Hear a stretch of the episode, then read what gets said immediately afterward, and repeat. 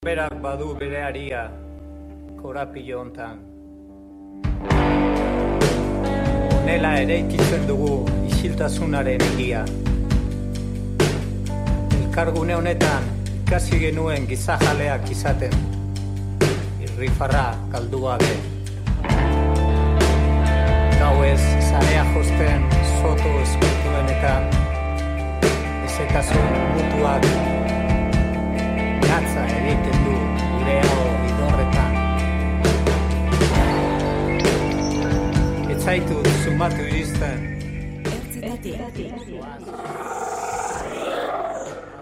Ongi etorri ertzetatik podcastaren bederatzigarren saiora.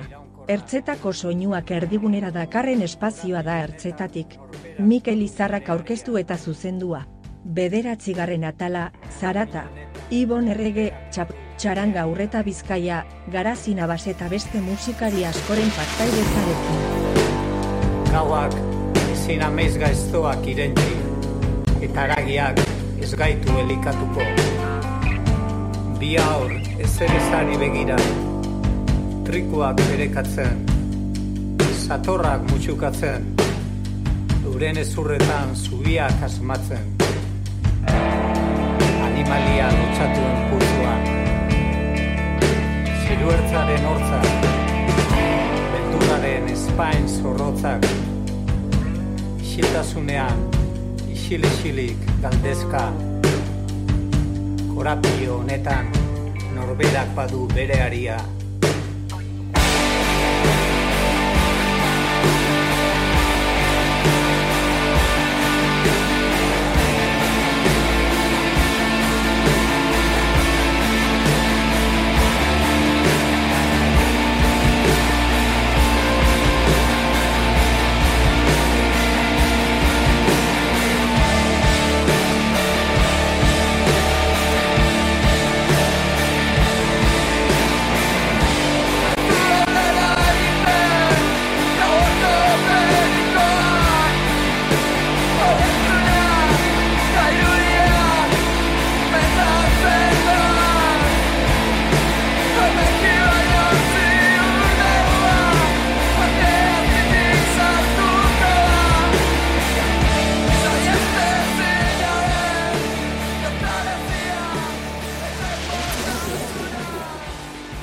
Kaixo musika zaleok eta ongi etorri berriz ere ertzetatik podcastaren atal berri batera.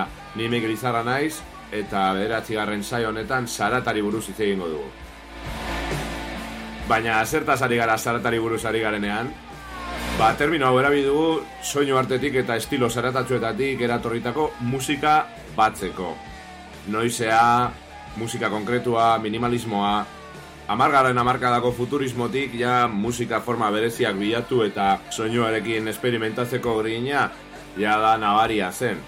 E, improvisazioa, soinu artea, glitchkorea. Gaur egun ere grin horrek bizirik dirau. Eta Euskal Herrian gonbidatuak bezain eredu adierazgarriak ditugu. Mundu hau urbietik ezagutuko dugu, Ibon errege artista sestaotarrarekin. Izan ere, tradizioa eta abanguardia ustartzen dituen artista bitxi honek, eskarmentu handia dauka soinuarekin experimentatzen. Entzuten ari garen Lisabo taldeko Carlos Usina ere izango dugu. Lisabo e, beraunaldi bateko zera erakusgarri izan daitezke ez, eta bueno, kanpotik ere asko ibili zirelako. Eta bueno, txap, zer esan txapi buruz, e, gure bizitzetako e, diska maitatuenak egin dituela, ez, ekoizle lanetan. Eta, bueno, placer rutza izango dela, bera bezalako erreferente bat izatea. Musikenen akordearekin lizentziatutako garasi nabaz e, musikari gaztea ere izango dugu. Bere ikuspuntua oso interesgarria izango delako. Bera musika klasikotik baitator, eta ikasketa bukatzerakoan experimentazioaren bidea hartu, artista ugarirekin kolaboratuz, eta beti ere bere ikuspuntu pertsonal eta berezia mantenduz. Bukatzeko txaranga aurreta bizkaia izango ditugu, Bilbon eratu zen aize instrumentu txaranga berezia, oso divertigarria dena eta musika eta soinua ikusteko modu oso divertigarri eta didaktikoa izango nuke e, dutela, izan ere, bere zaioetan, ba, zera, koreografia ezberdinak edite dituzte, eta instrumentuak era oso bitxietan jote dituzte, eta izan ere hori izango da saio honetatik aterako dugun ondorio handiena, ez? E, ba, sarata edo musika ikusteko ikuspuntu ezberdin hauek horretarako dago daudela, ez? Ba, zera, mugak apurtxu bat hausteko, aurre iritziak apurtzeko, eta azken finean musikaren mundua aberasteko, ez? Beraz, ongi etorri bederatzi garren saio honetara, plataforma guztietan gaituzue, e, hau da, ertzetatik, sarata.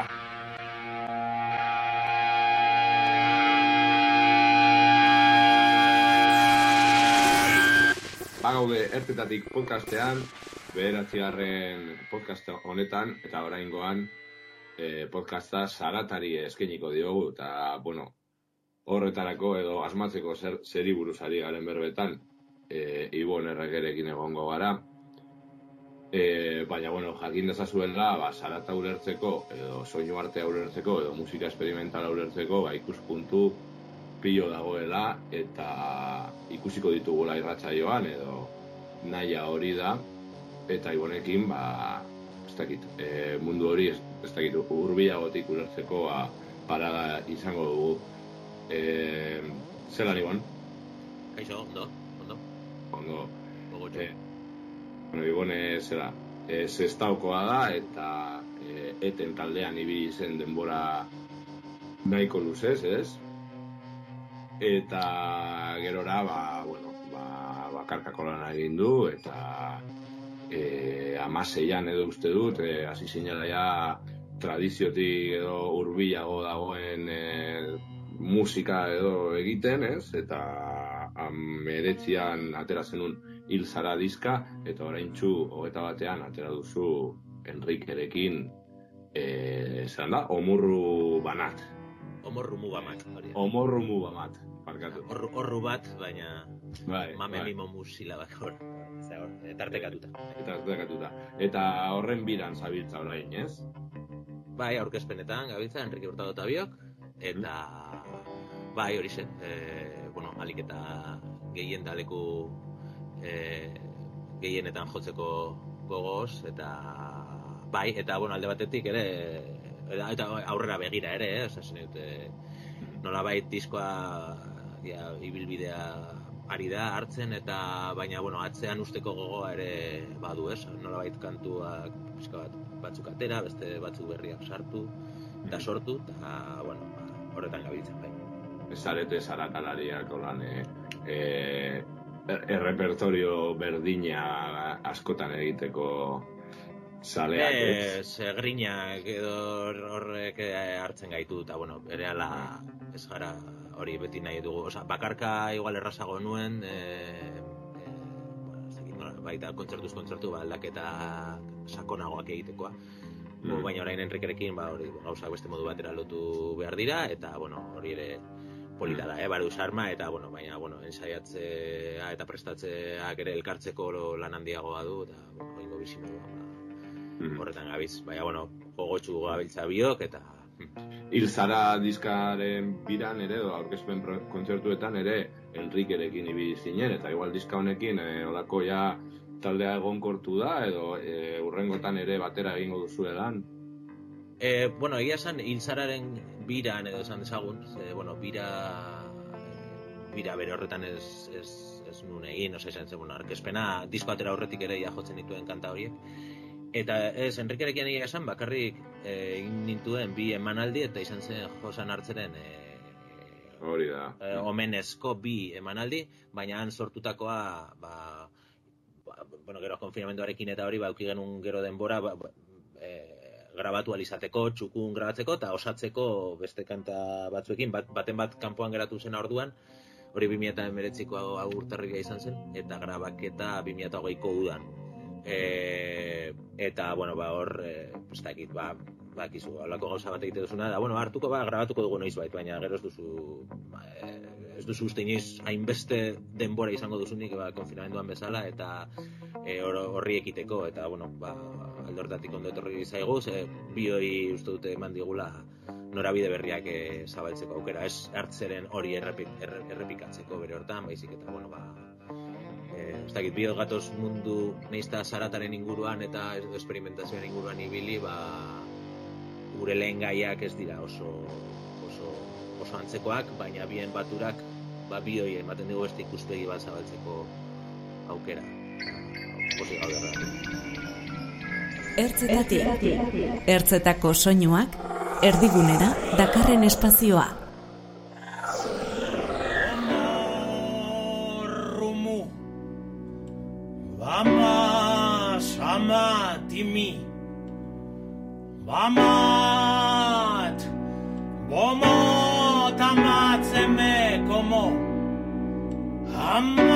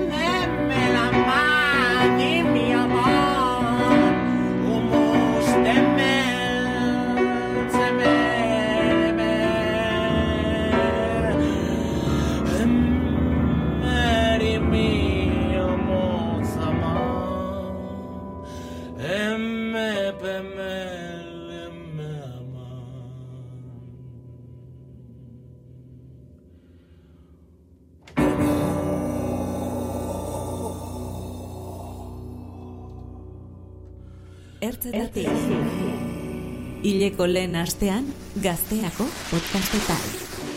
Kasikeratik, e, bueno, lainko planteamendu, e, ja, 2006an edo badituzu diska batzuk etxean grabatutakoak, eta nahiko planteamendu zaratatzua, edo, bueno, entzulegoak uler desan, ez dakit, e, soinu artearen e, parean dagoen zeu zer egiten zenuen, edo, edo zer dan soinu artea, zer dan zarata, baina zein da zure planteamendu artistikoa, edo, edo ze hausnarketa bideratu nahi dituzu zure zure musikarekin edo edo edo musika egiten duzu edo salaka egiten duzu edo zer da egiten duzuna, ez dakit. Eh, eh, ni- asko- claro, kontua, ez, asko. kontua da, pues, nik, nik egiten duena eh, musika da, baina kontua da sarata musika den ala ez, eh? eta orduan nire kasuan behintzat, ni ez bai naiz holan sarataren nola, eh, ez dakit, eh, ikur, zer, zerren ikurrez, baina sarata, ez dakit, nire, nire lanean, ba, saratak badu, badu, badu leku pixka bat, baina ez oso nagusia, e, eta, bueno, baina bada, gaur egun, kontua da, e, zarata bere horretan bada, badela e, molestatzen duen soinua, ez da? Eta bestela ez badu molestatzen ez da zarata. Kontua da, zarata hori, e, gaur egun musikaren, edo bel, gure belarri askotan badela ohiko ohiko soinu bat eta eta orduan e, ez du molestatzen, baizik eta bueno, pues atsegin a- atsegin digu, ez? Batzuei Orduan, claro, geratu da izen horrekin, baina ez badu, osea, eh, ez badu molestatzen, ez da zarata, ez badu, ez badu min egiten, eta alde horretatik, eh, esan dut, modu kontzeptualean, osea, ez dago zarata eh, atsegi, atsegiteko modurik esan dezagun. Baina gero beste gauza egia da, nahazten dela, ba, hori oso gauza zabala delako, ba, zabaltze, e, badelako gure belarria zertara dagoen ohituta eta zertara ez, eh? Orduan zaratatzat hartzen dugu, ba, nolabait e, gure ohiko musika edo gure kasuan men, musika mendebaldeko musika edo hori e, ohikoak diren eskalak eta tonuak hortik eskapatzen dana zaratatza hartzen dugu. Da, bueno, alde horretatik nik hor ez dut mugarik nahi. Hor nahi ditut e, soinu guztiak izatea e, musika egiteko e, lehen gaia. Ez? Eta, bueno, orduan, claro, oza, oza, esan dut, e, nola baita esateko, e, bibaldi jartzen baduzu sekulako volumenean hori zarata da. Eta desatsegina da, eta, eta bueno, volumen normalean ere jende askorentzat zarata izan daiteke. Baina esaterako, gu, guk entzaitzen dugun lokalean, e, errekalde auzoan, larraskitu auzoan, Bai. e, badago talde bat ondoan, e, azpian, hain zuzen, ACDC-ren bertsioa jotzen dituztenak egunero. Eta jotzen dituzte, ziuazki, ACDC gaur egun jotzen dituen baino asko sobeto. Baina sekulako volumenean, osea guk e, Enrikek eta biok ezin du- ensaiatu askotan, e, ondoan sartzen duten zaratagatik. Eta afinatuta daude, punteoak berdin dituzte, eta hori, baina ustez hori zarata da, desatsegina da, eta nik ezin dut horren ondoan egon nahi. Eh, esan dut, ni hori da zarata. Beste gauza bat da, hori, bueno, esan duan bezala, eh, zuk, os, bai, zarata modu politiko batean erabiltzea eta eta eta hortik badaukala buelta gehiago, baina nire ustez zarata, desa, desa, zaratak desatsegina behar du izan. Bestela, gozagarria bada, ez da zarata, beste gauza bat da. Eta, orain, bai, bai, Vale, deituko diogu zarata bi. Ez, esan nahi duzu, Bai. zarata- bai. Eta horretan... Edo bai, soinua, bai, eh? Ba, ze, eh, soinu arteak Bai, eh, bai. ziltasunaren inguruan ere egiten du hausnarketa, eh? Eh, Esan. Bai, bai, bai, bai, bai, bai. Soinuri, bai, bai, so- soinurik ezak eta ere bai, bai, bai. Baina nire ustez, eta askotan, e, bueno, aldarrikatzen dena zaratagile askoren, e, askok e, aldarrikatzen dutena, da hori ba, e, molestoa izan behar duela eta molestatu, eta, bueno, eta neurri batean askotan egiten den musika bat, ba, el, el, e, musika batek helburu hori dauka, ez? Baina, ez dakit, ni Greencore kontzertu batera, eta manez, bati, e, YouTube super, eh, esan, ACDC jotzen duten hoiei, agian irituko zai, zai, infernua eta zarata, baina nik gozatu aldut. Orduan, bueno, pues, a- askotan erabili da zarata deitzen den hori, mm, kantu, ez dakit, herrikoiago batean, edo popularragoetan, txertatzeko, ba, ez dakit, ba, Sonic Youthek e- egiten zuten bezala, edo Velvet Undergroundek, edo hori, eta bai da, ez dakit, oi, egin oi den musikari kontra egiteko.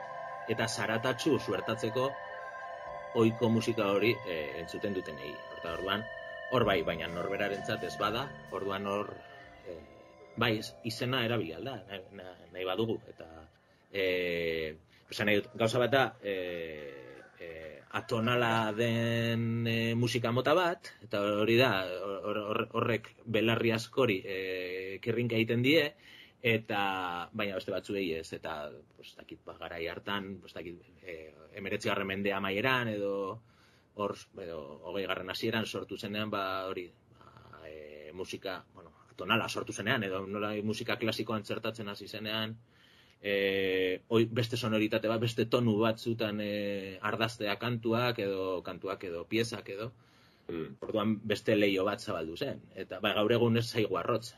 Eta hori da, gauza da atonala, atonala izatea. Beste gauza da improvisatu izatea, eta askotan saku berean jartzen dira gauza ber- berberak, eta improvisazioa e, musika askotan edo improvisazioa lantzeko modu asko e, supertonalak dira. Eta dira oso gozoak e, gure mendebaldeko e, zera, e, belarri, belarrientzat. E, Bai, in- bai. indiar batentzat izango zen. Eta gero da, esperimentaltasuna ere, beste, beste kontzeptu bat da, askotan improvisazioarekin nahaztu egiten dana. Eta, nire ustez, e, badaude hor mugak e, elkarren artean, oza, gauza bat oso esperimentala izan daiteke, aurrez pentsatua, komposatua, eta, bueno, esaterako, e, bueno, ni urbietik izautzen duelako, atxaran gaur eta bizkaian egiten ditugun piezak esperimentalak dira, baina ez dira improvisatuak. Mhm, mhm. E, nolabait lotuta daude hasi aurretik, e, arau batzuk jartzen jartzen ditugu mai gainean eta bakoitzak egin behar du gauza bat. RTT Beno, ba,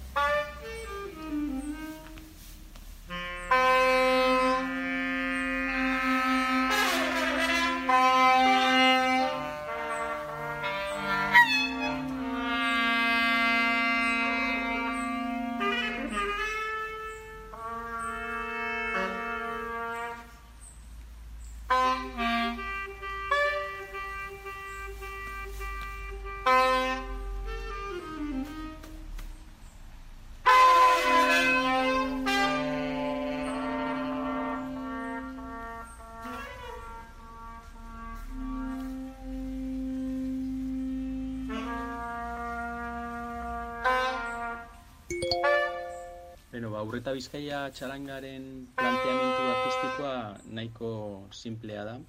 Gero konturatu gera denborarekin, e, ba, planteamendu horrek aukera mugagabeak eskaintzen dituela, eta bueno, lau urtetan, ja bost urteragoaz, e, txarangarekin, eta beti saiatze gera ba, gauza berriak egiten. Eta guretzat ere aurkikuntzak izate dira, ba, sortze dira egoerak. Orduan, planteamentua hasiera batean da, e,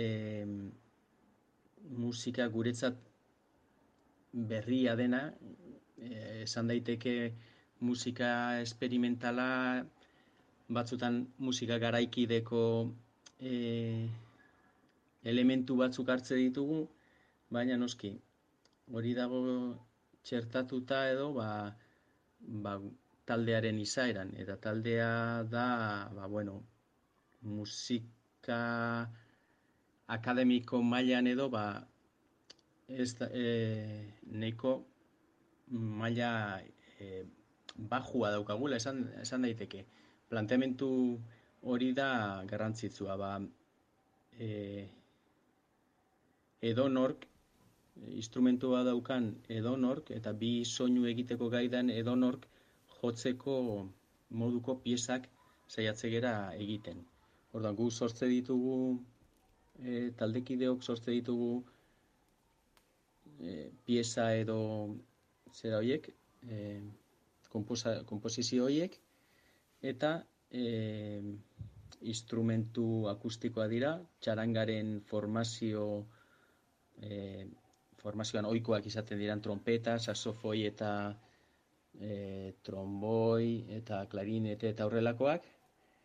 Eta garrantzi handia emate diogu ba, txaranga duten auke, txarangak eskaintze duen aukera horri dela espazioan mugitzea eta orduan gure piezetako askok ba, horretan horrekin lan egite dute, ez? Ba, soinuak batetik bestera mugitze dira, e, jendartean mugitze gara, iriko arkitektura elementuak erabiltze ditugu ba, komposaketen e, abia puntu bezala askotan edo, edo, edo espazioaren ezaugarriak eta bueno, pizkato hori hori da gure abia puntua. Dauka baita ere alde musika garaikidean edo esperimentalean askotan falta den alde ludiko bat edo ondo pasatzekoa eta bueno, baita ere horrekin lotuta ba, virtuosismotik ies edo egiten saiatze gera eta askotan ba,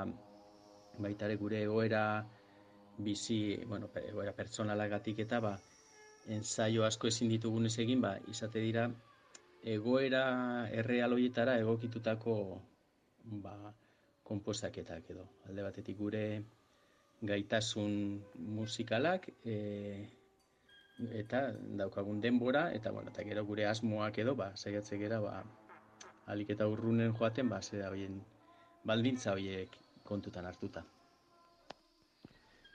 Soinu artea zarata edo musika esperimentala hiru terminoien artean esango nuke Urreta Bizkaia txaranga ba, musika esperimentalaren alorrean edo lanean da bilera, pixkate zera termino handia bezala gelditze zaigun arren, baina e, ulertze dugu soinu artea edo izan daitekela instalazioetan eta gehiago arte plastikoen ere muetan e, bueno, gertatze den zera bat, e, arte moeta bat edo eta zarata berriz pentsatze dugu dela ba, musika mota konkretua, zabalba, zabala baina konkretua. Ordan guk e, bietatik hartze ditugu elementuak, bai zarata, zaratatik hartze ditugu elementuak eta baita ere soinu artean ba, egin daitezkeen esperimentu desberdinak, espazioarekin zer ikusia dutenak, edo timbreekin, edo, baina, bueno, gu, mm, erosoen, ba, musika esperimentalean edo kokat, kokatuko ginateke, eta, bueno, ba, hor, mugitze dela, garela esan daiteke, bai. Txaranga, txarangaren jatorrian, eh, bageneukan e, abia puntu bat, hasieran zeikide bakarri ginen, eta orain gaur egun ja amabostera iritsi gera, baina lehenengo kontzerturako e, bageun den batzuk musika improvisatutik gentozenak, improvisazio libretik, eta erabaki genuen lehenengo kontzertu hortarako ba, improvisak eta saio bat egin beharrean guk partitura batzuk e, bueno, testu partiturak edo instrukzioak izan daitezkeen partitura batzuk e, komposatzea eta horri, horri lotuta jotzea e, abia puntu horri lotuta edo. Orduan e, bueno horrela jarraitu dugu lanean e, partituran komposaketa eta hoiek e, aurrera eramateko aleginetan. Beno, hau ez da oso ohikoa, baina afinatzen ari gara. Izan ere nota berdina jo behar dugu e, pieza batean eta justu etorri gara arkeologi museora bertan kontzertua dugulako. Askotan, ba, kontzertua izango den tokian e, gustatzen zaigu ikustea edo ensaioa ber, bertan egitea eta tokiak edo kontestuak bai ideiak ematen dizkigulako askotan. Gure proposamenaren ikus, ikuspegitik ez da zarata, musika, e, izan daiteke apur bat musika raroa edo experimentala, baina noski kalean jotzen dugunez, ba, zaratak gure planteamendurako izango li- liratezke ba, kotxeek edo orain euri, euria ari duen moduan, hoiek zaratak. Baina noski, baita ere gertatu daiteke kalean jotxeagatik e, bai publikoa, kontzertura etorri den publikoaz gain, e, etxeetan jendea egotea eta beraientzat ba, zarata izatea, ez, e- ez atsegina. Orokorrean lan egiten dugu enkarguz. Deitzen digute kontzertu bat egiteko eta eta orduan guazten gera brainstorming gure artean, eh? Eta eta ideia sortak botatzen eta eta erabakitzen dugu elkartzea guztiak ideia horiek burutzeko. Eta ensaioan ba erabakitzen dugu ba ze piezak funtzionatzen duen, ze piezak ez, e, beraien arteko ordenaren zentzuak eta horrelako gauzak. Em, guri inspirazioa datorkigu, ba, ba bueno, go- goizean em, mikrowinlabeak esnea berotzean egiten duen din horretatik, telebistan ikusten dugun pelikula batetara, eta, bueno, eguneroko akzio txiki hauetatik, eta baita musikatik, noski musika ba, guztiok kontsumitzen dugulako. Eta gure musika egitearen helburua da ba, ondo pasatzea, edo, bueno, ba, arratsaldea pasatzea, ez? E, oso akzio polita iruditzen zait, ba, arratsalde batean guztiok elkartu, eta putz, putz egitea. Horla, besterik gabe. Gainera, bueno, ba, gure arteko, gure artean gaude pertsona oso desberdinak, ez? Musika egiteko izango ez balitz, ba, agian ez ginenak ezagutuko edo ez ginenak ez genuenak harremanik edukiko. Ega, ba, gaude gazteak, zarrak, e, alferrak, langileak eta eta gure gure gure harremana da musika. Eta eta oso ondo pasatzen dugu egiten. E, nire iritziz ez gaude oso zirkuitu itxian, zeren gure kontzertu eta lanak badira nahiko variopintoak, ez? E, jo dugu askotan kalean, e, txaranga tradizional baten giroa sortuz, e, naiz eta musika desberdina izan, baina baina jo dugu ere ba, toki formal edo dotoreagoetan, ez? Ba, Arriagako antzokian egon ginen em, zinebiko aurkezpenean, edo Tolkien Heads taldearen tributo bat egin genuen Donostiko Dabadaba espazioan, em, arte erakusketetan, e, inaugurazioetan ere parte hartu izan dugu, agian giro artistikoago batean, eta, bueno, beti mugitu gera toki desberdinetan moldatu, baina mo- moldatu nahian eta baita ere desenkajatu nahian, ez? Atentzio edo toke desberdin bat e, aportatzeko.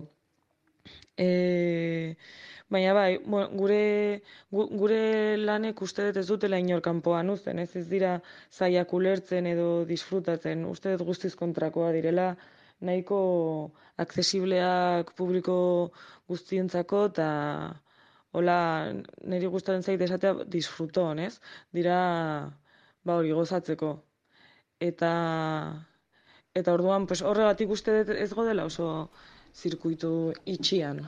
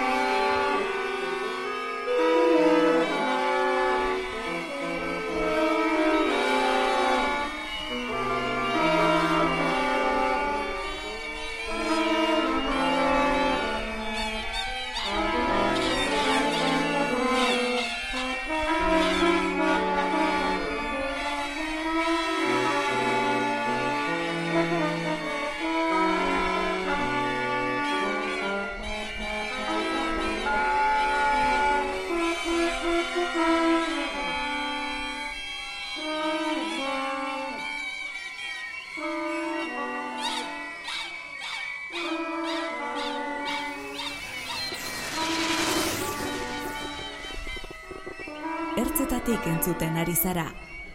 Mikel Izarraren podcasta gaztea. Ez dakit, zaila da, askotan eh, digo- ditugulako, ba, belarriak apur bat eh, itxita, eta igual askotan begiekin edo, ikusten dugulako musika, eta iruditzen zaigu, ez dakit, eh, askotan begiratzen nork egin duen, eta eta eskantua bera, ez? Eta, bueno, ez dakit, hori bai garbitu barko genuk, genituzke belarriak, eta aurre iritzi hoiek behintzat entzuteko, gero bai argi dago e, aztertu aldugula, eta ez dakit, ba, disko bat eserosi, ez dakit nork egin duelako. Kontua, kontua ere bada arreta, ez? Eta ze arreta eh, eskaintzen diogun e, soinu pasarte bakoitzari, ez? Eta... E, eta ora agian badago ezberdintasun handi bat e, estrukturala esan dezakegu e, pop musika eta bestelako musikaren artean. Eta bada estru, e, estruktura, estruktura eta errepikaren arabera e, e, ez dakit, badago, dut, e, musika experimentalean eta zaratatsuan ere, ez dakit, ez du hainbeste e, Osa, importa, importa du gehiago e, belarrietatik momentu hortan pasatzen ari den unea, ez modu orokor batean. Ez dakit, entzuteko modu, ezberdinak dira, eta hor, horrek ere eskatzen du eskatzen du alegina e, esan dut, e, deskodetzeko hori. Gozamen horretara heltzeko. Eta alegin hori, normalen jendeak ez du egin nahi. Osea, jende gehienak ez du, ez du egin nahi, ez?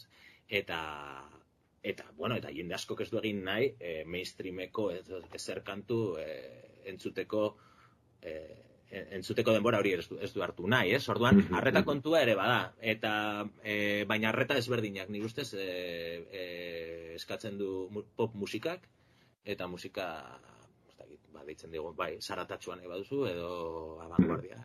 E, Zan, gu, Zuretzat ze hausnarketa bide, bideratzen dizu, ditu musika mota honek, eh, edo zuri, zelako, ze, ze ezin egon dituzu musikaren edo soinuaren inguruan, edo beste barik e, bizitan dituzun bestelako ezin egonak horrela espresatu edo kanalizatu dituzu, edo badago hor soinuarekin zerbait, eh, ez dakit. Ba, er, soinua, soinua da, er, soinua da, dut, soinuarekin ni neu az, eh, az, azaltzen dut nire burua asko oso beto, hemen hitz egi- hitz egiten baino, ez? Orduan, zaila egiten zait ere, e, hausnarketaz, oza, edo paperean edo jartzea, e, zera, ze azkenean da gauza bat, niri behintzat egiten zait e, kontrola ezina. Osea, badauka gauza bat etortzen zait burura, eta berdean, nago lanean, eta nago pentsatzen, e, nola askatuko dudan e, buruan daukan korapillo hori, ez? Musik, korapillo musikal hori, eta askotan daukat buruan buruan hori, eta eta berdin dit, osea, eta nire ustez, helburua izan behar du, hori berdin dit e, inork ulertuko ez badu ere, eta saiatuko naiz, e, bueno, ez dakit, ba, bideak egiten, e, heltzen alik eta gehienen gana, baina e, hori asko oso, oso bigarren mailakoa da. Le, lehenengoa da, dauk, osea, barruan dauka zo bulkada bat, nire ustez artista guztiek daukatena, mainstreamek bai, naiz da ba, e, ian beste batzuk ere bai, ez? Beste helburu batzuk ere bai tartean, ez? Baina e, hori ez dakit, nire ustez da, zerbait kontrola ezin egin nahi duzuna, eta ez duzu hor, ez dakit, askotan ematen zaio buelta gehiagi, ez da, zer esan nahi duzun honekin, eta ez dakit, nire ustez, e, musika mota honetan badago, ez dakit, ba, jakin min horretatik aratago badela ere, ba, ez dakit, e, mm, ez jakitea noraino iriz, iriz zaitezkeen, eta hori da, nire ustez, aurrera egiten, aurrera egiteko bidea sabetzen dizuna, ez? Ez jakitea urrengo gauza, alik eta ezberdinena bada, ba, hobe, osea, eta hori izaten da ere kezka bat, estilo batean zentratzea, e, eta eta hor bide bat egitea, hori ez dakite, eta bueno, hau ari naiz esaten, eta nik asko lantzen, lantzen dut dudan gauza bat, da estruktura, eta hori, lehen esan dudan musika, e, bueno, nire lanetako bat, eta e, igual denbora gehien edo indar gehien ematen dio dana, dela kantu, bueno, dakit, e, kantu formatukoa, hori oso, oso klasikoa da, eta baina saiatzen naiz beste buelta bat bilatzen horri, ba, ez dakit, modu askotatik. Ba, e, existeko, ez dakit, laberinto batean, eh? aurkitzeko beste bide batzuk.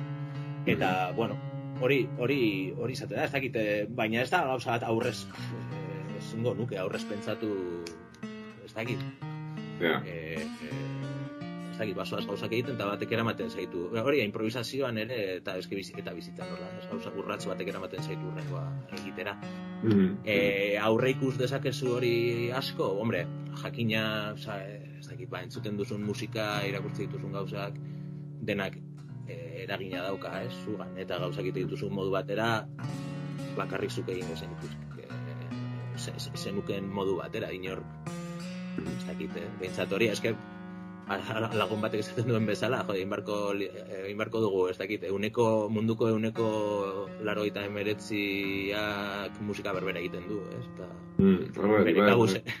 bere, bere, bere ustez oso berdina da, euneko Mm. laroita emeretzi hori, eta euneko bat hori dago oraindik esploratzeke, edo agian esploratuta dago, eta guk ez dakigu hori ere ez, baitugu entzun Mm. egin, egin den musika guztia, ez da entzungo ere, zorionez.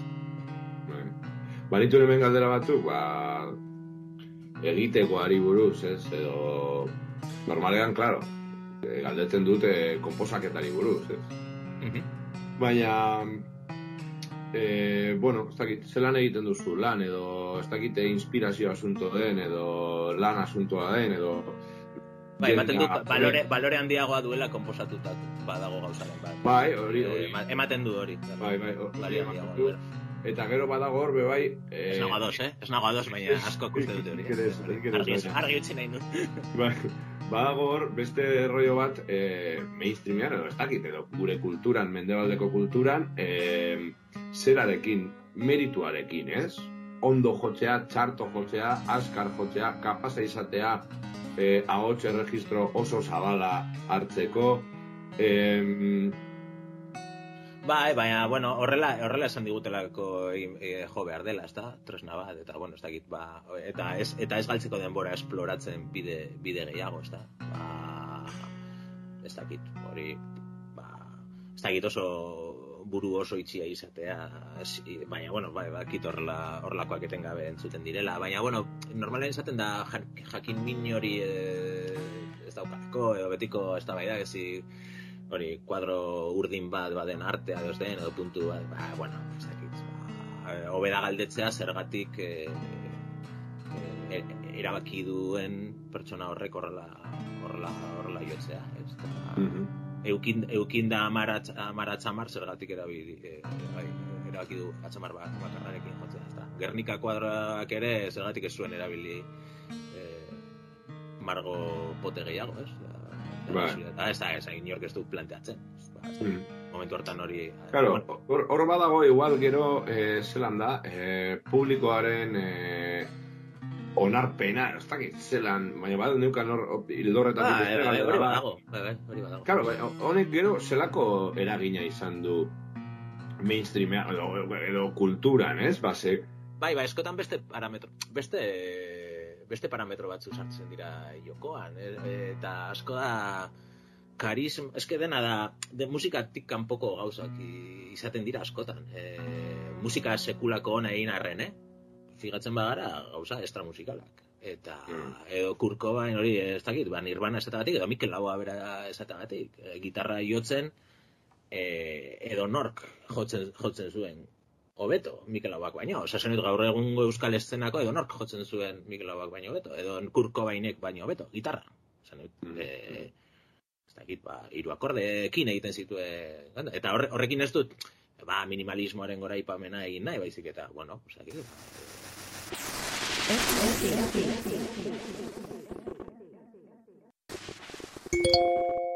Kaixo, Carlos Osinaga naiz, irunen jaioa, Moskau zoan. Lisabo taldean jotzen dut eta soinu teknikari bezala egiten dut lan. Egia esateko ez dakit e, edozein sormen lana egiten du- dugunok zer bilatzen dugun askotan eta oraindik e, oraindik horretan e, jarraitzen dugunok esango nuke jarraitzen dugula ba, behartasun bat delako. E, ez dut uste beste espekulaziorik e, denik. Uste dute behartasun bat dala e, ohituta gaude hori egiten, e, batzuetan ematen du denbora galtzea dela, soilik beste batzuetan ba, betetzen zaitu erabat, eta bereziena, haundiena, izan daiteke bai, eh, nik uste dute zein esormen bide batean, importantena dela honestitatearekin egitea, egite duzun guztia, eta hori da, azken finean, importantena bideak guztiak balio dute. Baina beste horrek emango dizu zure zea guztiari ba zintzua. Lehen aipatu dudanez, ni autodidata naiz, eta orduan ba, bueno, ba, en, arlo guztietan igual nire teknika igual hobea izan beharko zan. Baina azken finean, e, igual da nerekiko aitzaki bat, baina teknika berdin zait. E, e, nahi egodet inspirazio lako bezalako gauza bat lortzea edo orkitzea, edo nik e, ustea ustea e, hartu, e, lortu dudala hori disiplina guztietan bezala, badira marabaristak eta badira maguak. Eta ni ez naiz, ez, ez da bat, ez da bestea, baina e, e, aukeratu alizatekotan, ba, nahi nuke mago bat bat izan, eta horiek bai, bautela teknika, baina bereziena da ba, magia hori, nola sentitu arazi kusi entzuten duenari ba, ba gauzak. Eta horretarako, evidenteki, ondo jotzea, ba, ba, minigo batzuk egun barko dira, baina, bueno, nik oan, ditut, eta denok izango ditu goan, e, kontzertu disko batzuk, e, ondo jota ez daudela, baina, e, dira da, e, marabiak. Eta, inkluso, talde berdinak, e, igual, bari, ba, denborarekin, ba, teknika, handiago hartzen dutela eta agian igual inspirazio igual bera juten dela. Nik uste dut hori gerten zaiola jende askori edo guztioi. Eta orduan ba, ba oso ondo, ondo, oso ondo ikasi guzu jotzen, oso ondo. Baina edo kontzertutan adibidez eta jo, orain oso ondo jotzen duzu, baina majairik ez dago ja da. Zen batzutan bari istripuak eta gertatzen diren gauzak ba, errealitatearen eta bizitzaren ba, gertuen, gertuen, gertuago dago, ba, bari, da kalkuloa baino dena oso kalkulatuta dagoenean, ba, bueno, ba, nik uste ere galtzen dela xarmari. Ha, ba, nik uste, nik uste, nik, nik ezagit, nik uste dut, e, netzako zarata beharrezkoa, bizitzan bezala, oza, beharrezkoa ez dakit, baina, e, hor dago e, eta zinkitzea zona eta desoreka eta desordena eta eta depende ze musika egiten edo entzuten duzuna ba, batzuetan e, oso ere kargarria izan diteke edo e, zakit e, eraman eramaten zaitu beste ez dakit beste errealitate puntu batetara edo zakit e, niri uh, zata asko guztain zait, bat, mm, asko. Eta nik uste dut gauzak eramaten dituela ba, beste e, e, estadio bateraino, urrengo bateraino, ezakit. E, ba, ezken ni finean e, berdin da hainbeste teorizatzea. E, zeo zer zentzitzen duzunean, e, bai kapela batekin, bai erritmo batekin, bai e, txelo batekin edo bai e, rock talde batekin, sprintela edo, edo zein formatokoa, e, azken finean zeo zer e, horrekin zeo zer sentitzen badezu hori da azkenian bilatzen duguna. Azken fina musika eta beste espresioak e, ba, gizartke batek erabiltzen dituenak dira horretarako ba, ba gauzak berriak experimentatzeko, bizitzeko eta eta hori da importantera. Experimentazio hitza erabiltzen da askotan agian ba, kokatzeko, baina nik ez nuke beriztuko experimentala den musika eta ez dena, esan nahi dut, nik uste dut eh, azken finan mm, behintzat eh, musikariok ez garenok eta gure kabuz ikasi dugunok, ba, nik uste dut azken finan eh, eh, experimentazio bide hori beti landu izan dugula. Eta imaginatzen dut ere, ba, ez ikasteko bide batean ere, ba, bide antzekoa izango dela ba, musikaria den pertsona batentzako. Ez da ezer berezia, batzutan e, bizitzan bezala e, konformatzen zera e, minimo batekin, eta beste batzutan ba, gehiago behar dezu, eta horregatik ba, lasten zera ba, bide batetik ba, ba, bilatzen, eta bueno, eta hoxe, experimentatzen. Baina hori da azken finean e, zea honen importantena, nire ustez. Eta bide horretan, ba, bueno, aurkitzen dituzun gauzak eta gauzak pertsonak eta eta esperientziak eta bat. Ertzetatik. Ertzetako soinuak erdigunera dakarren espazioa. Ba, aipatu dudan bezala, ba, ez dakit, ez dakit, jakin min bat egon behar du atzean. Bestela, ezin, oza, inori derrigortzen, oza, e, derrigortzen bada duzu edonor entzutera ez zarata, beste dozein talde, atzera, atzera ingo du, orduan, e, ez badago motivazio hori hasieratik, e, ba, ez dakit, gaiz, abia puntu eskasa da, baina e, be- belarriak zabalduzkero eta onartuz, ba, ez da, bueno, ez dakit, e, ez dakit, ba, edo, edo zein, e, edo zein soinu izan daiteke, baina hau da duela mende bateko zera bat, da ruidistek edo italiarrek eta futuristek eta hori hori- ai- ai- aur- e, e, horiek hasi ziren e, mak, e, fabriketako sarata eta erabiltzen musika egiteko. Uste zutelako hori etorkizunean horrela, or, etorkizuna horrela ze, ze, zetorrela, eh? eta hori rock and rolla sortu horretik zen. Eh? Eta, bueno, bada, ez dakit, ba, ez dakit, oskailuaren sarata ere hori erabildetzakegu musika egiteko, pues bai, jakina, jakina, eta eta eta hori izango da, bueno, ez dakit, e, beste beste sintetizagailu baten e, edozein soinu bezain baliagarri. E, kontua da, horrekin eta alde politikoki zaratak daukan gauza on bat dala, guz, da guztion esku dagola eta guztio daukagula e, zaratak egiteko aukera ikasketa akademikorik izan akademikoki Eta, eta eskubidea.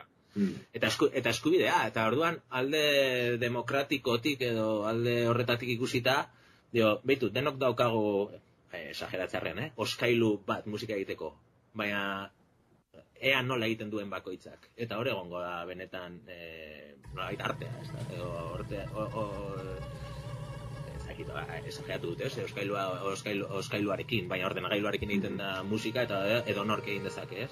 Venga, ba, Mm. denok daude maila berean.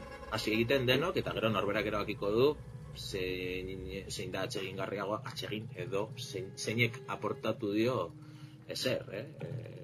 E, e, hori, jotzaile horien artean, ba, eta bueno, baina begia, oza, e, danari, e, ez, ez, da, ez da beti erabaki behar ona edo txarra den gauza bat, oza, Bitu, zerbait, eh, kar- askotan ikusi ditugu film txarrak eta eh, asko aportatu digutenak, ez? Edo, eh, aunque sea gauzak horrela ez egiteko. Bai. Baina, bueno, Bai, bai. e, ikuspegi kontua da.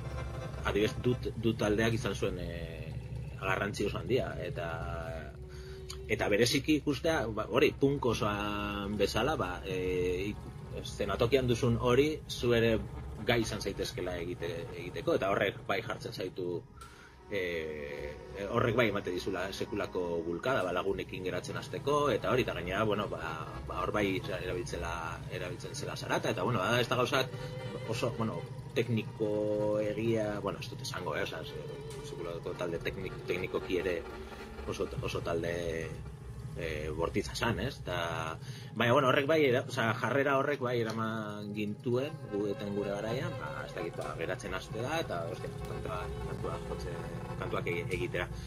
Gero, ba, egia esan, eta esan duzun bezala, bai, nire ustez bai, e, oso aberatsa da, hemen, eta oso sorte handikoa gara, hemen dauzkagun, ba, da hemen dauzkagun erreferenteak, e, nola bait, bizirik daudelako, eta eske oso eskura ditugulako, bizirik esan dut, e, e, horrez noalako, e, Mikel Aguaren horretara joan behar, eh? Ba, daukagulako hemen, oza, taberna batean, e, zakit, bi metrotara e, ikusi da entzun, da gero ezagutu dezakezun pertsona bat, musika zoragarria egiten eta bide berria zabaltzen eta azkenean hasieran da e, ez jakintasun hori, nego goratzen dut ez dakiz urte izango zen, 2000 ziur aski. E, ertz e, beran e, egiten zen e, jaialdi horretako jendeak antolatu zuela hogeita lau orduko e, improvisazio egun bat. Hogeita lau ordu jarraian ordu erdiro joaten zen jendea improvisatzen. Da, bueno, egiteko modu oso ezberdinak e, horri ikuste duzu, ostia, dena da zarata? Ez, oza, hemen, hogeita lau ordu hauetan, entzu ditugu, lauro gehi zarata ezberdin. ez? Eta, eta denak dira hemengoak, ez dira super izarrak, ez dira iz- izar izatera iritsi ere, e, eta eta denak dira lagunak eta dute ikuspegi bat holan bizitzaren aurrean eta musikaren aurrean gauzak egiteko molde molde bati buruz. Hori oso eta bueno, e, gero Euskal Herrian ba zorionekoak izan gara eta gara e, ba hori pues dakit ba Larraskitu kluba egon delako eta hor sekulako ez dakit unibertsitatea den hitza baina e, sekulako, osea, hor e, hor berreun kontzertu antolatu izan ba zituzten, pues ez itzela, oza, berreun, ber, berreun saio, e, bakoitzan hiru lau artista, ba, pues, dakit, bat jende pasatuko zen hortik, baina izugarria izan da, hori. Eta horrek ekarri duena, ze horrek ere, dakit, ba, jendea etengabe zen berria ere, publikoaren aldetik, oza, ez dakit, e, eta hori o, joan da e, hor poso austen, ez? Eta, bueno, ez dakit, orain, jo, sekulako faltan dut, ez? Eta hori uste jende guztia, Bilbo aldean behintzat, badela utxune, utxune handia. E, Bai, bai. utzi duena, e, egiteko moldeaz bereziki. Ez da, ez da inbeste kontzertu falta dugulako, baizik ez da, kontzertuak horrela. Bai, eta bai, arreta maila horrekin, osea, entzulea isilik egotea, kontzertu, inor, inork agindu gabe, jendea isilik egoten zen, adi, eta sekula entzun ez zuen gauza baten aurrean, hori ala, ala zen, ze errepikaz ez e, oso kontzertu pop gutxi egin ziren, no? Eta, hori sekulako unibertsitate esan dezagun, edo ez dakit. Ba, bai, bai. Ba, gugan bego, e, zera, darraskito klua, bai, bai, garai oso ona bizi izan ditugu hor. Bai, bai, bai, ba, bueno, ez dakit eh, argitu dugun gauza edo, edo ilundu, baina, baina, bueno, eh, beste... O, galderak sortarrazi baditugu, ba, nire ustez. Ba, ondo da, bai, bai, bai, bete dugu zeu zer. Eta, bueno, bestelako gonbidatuak ere izango ditugu eh, laguntzeko, ez?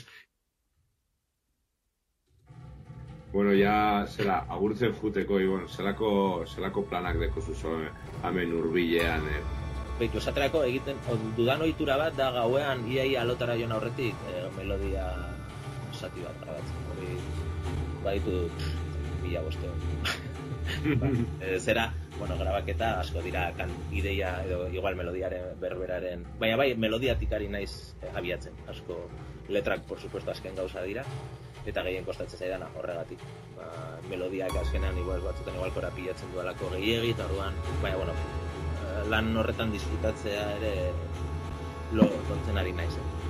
Eta bueno, pues, eh, badugu kanta bat berria a, solte publikatuko duguna, Enrique eta Bio. Eh, Baudelaire eh, berrongarren urte hurrena da, eta bueno, pues, bapatean ere aurkitu nun lauasetaren itzulpen bat, oso bitxia dana, eta ba, bere musikatu nun kapela egiteko, azkenean piano eta guzti guzti doa, eta badut pendiente ere gauza, e, nola baita esateko gainetik dau, oza, e, zera, sama bat gainetik kendu behar dudana, e, ba, itxaro bordarekin, ba, ez, sama, esan dut, e, modu Hmm. honenean. Euskaltzen diaren egoitzan egiteko Bernate Txeparen inguruko, ba, emanaldi bat. Ba, Bere ala, atera ziren, amar, amabi bat kantu. Eta hoiek e, emanaldi horretan egin nituen, eta nahi dut grabatu.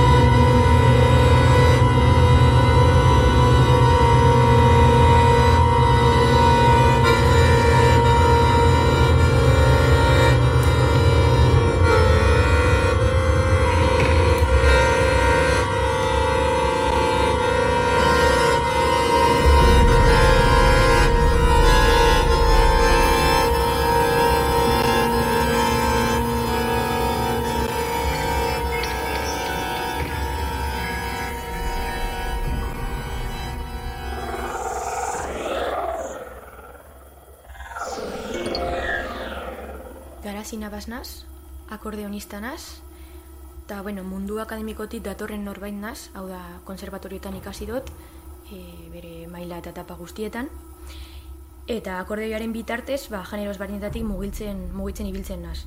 Bai e, folketik, bai musika klasikotik, eta gero baita musika akademikoaren barruan dagoen musika garaikidea deitzen jakon horretan, eta gero baita akademiatik kanpo dagoen musika esperimentalaren giro horre. Nire planteamendu artistikoa, normalean bakar, bakarri joten doanean, hau da, e, jende ezberdinagaz e, proiektu ezberdinak daukadaz, baina nire proiektu pertsonalean, da, e, alde batetik tradizioa eta beste batetik vanguardia, lotzea instrumentu baten bitartez, eta nire instrumentu akordeoia da, ez? Ba, akordeoaren bitartez, tradizio eta vanguardia lotzea, eta e, aurkezpen edo kontzertu bakar batean, biak batera ustartuta e, erakustea, ez? Mm, kasu horretan, tradizioa ba, bi modutara ulertzen dut, alde batetik e, musika tradizional moduan, hau da folklorearen mundutik datorren musika, musikaren munduan, eta beste aldetik tradizioa musika akademikotik datorren e, tradizio, tradizioa jarraituz e, dagozan e, ba, obra ezberdinen munduan, ez? Hau da, musika akademikoan, e, normalean esaten dugu musika e, abanguardista edo, eta bestaldetik ba, bide klasikoa edo bide tonala jarraitzen da, da ben e, obrak, ez? Hau da, e, ereatutako tradizioekin eta ezaugarriekin, harmonia, ritmoa, egitura, aurrera jarraitu da ben obrak, ez? Ez da benak apurtu e, aurreko ezaugarri horiekin, baizik eta ezaugarri hauek garatu egin dabez, baina apurtzera heldu barik, ez? Hori bai da tradizioa bi aldetatik ezagu, e, ulertuta eta beste aldetik abanguardia. Abanguardia ere bi aldetatik ulertu, ulertzen dut edo ulertu leiken nire ustez, ez? Alde batetik e, bide edo arlo akademikotik datorren abanguardia, hau da musika kontemporaneo edo garaiki da deitzen jakon bide hori, kompositore akademikoek eh, idazten da biena, ez, partituretan. Eta, e, vanguardia zergatik, ba, eraiatutako, eraiatutako tradizio horretatik e, datosan ezaugarri horiek, edo parametro horiek, ba, e, apurtu edo beste bide batetik, batetik eroan da biesalako, ez? E, bide pertsona lago batetik, eta, eta ba, hori, e, e, ibilbide historiko, historiko hori jarraitzen ez dagoana, ez? Eta beste aldetik, abanguardia ulertuta, ba, akademia, akademiatik, at, at, akademiatik kanpo. E, hau da, kompositoreak musikari akademikoak ez diren, diranean, ez, hau da, partitura, oiko partiturak edo musika idazten ez, da, ez dakienak, edo baita be, ba, arte derretatik e, datozen e, musikariak, ez, edo soinu artistak deitzen dugu zanak. Hau da, tradizioa bi bidetatik eta abanguardia bi bidetatik, eta lau bide horiek ba, instrumentu baten bitartez ustartzea, akordeoiaren bitartez. E, eta ze hausnarketa bideratzen dauz, ba, alde batetik e, akordeoia nire ustez dala e, tresnarik e, ego, bueno, egokienetarikoa hau e, aditzera emateko, zegatik ba, alde batetik akordeoiak dekolako pisu handia musika folklorikoan edo tradizionalean, ez? E, bai, Euskal Herrian baita be, ba, trikitizagaz batera da ba, gure instrumentu tradizionalen artean garrantzitsuenetarikoa eta ez bakarrik Euskal Herrian mundu, munduko kultura askotan, ez? E, danok dakizuen ez. Eta beste aldetik, e, mundu konservatorien mundutik datorren jendearen artean, ba, akordeoia ikasten dugunok, normalean ba, akordeoia, kontzertuko akordeoia, kontzertu akordeoia, instrumentu bezala, e, e, hogei garren mendeko irurogetan margarren amarkadan garatu zanez, ba, deko guzan obra original gehienak musika akademiko garaikidaren barrukoak dira, ez?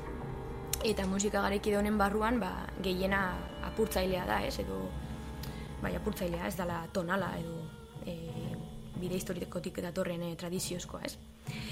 Orduan, e, gertatzen dana da, mm, akordeonistak direla oso argi mundu batekoak edo bestekoak, eta ez direla, akordeoia ez dela gertzen berosotasunean inoiz kontzertuetan edo, edo proposamen ezberdinetan. Orduan, nire helburua da, ba, akordeoiaren osotasun hori jendeari batera aurkestea, ez? Ba, akordeen ezaugarri guztiak e, esplotatu izateko, aldi berean eta baita be lotura bat esartzeko bi tradiz, tradizio eta vanguardiaren artean, ez? E, zu bi bat esartzeko.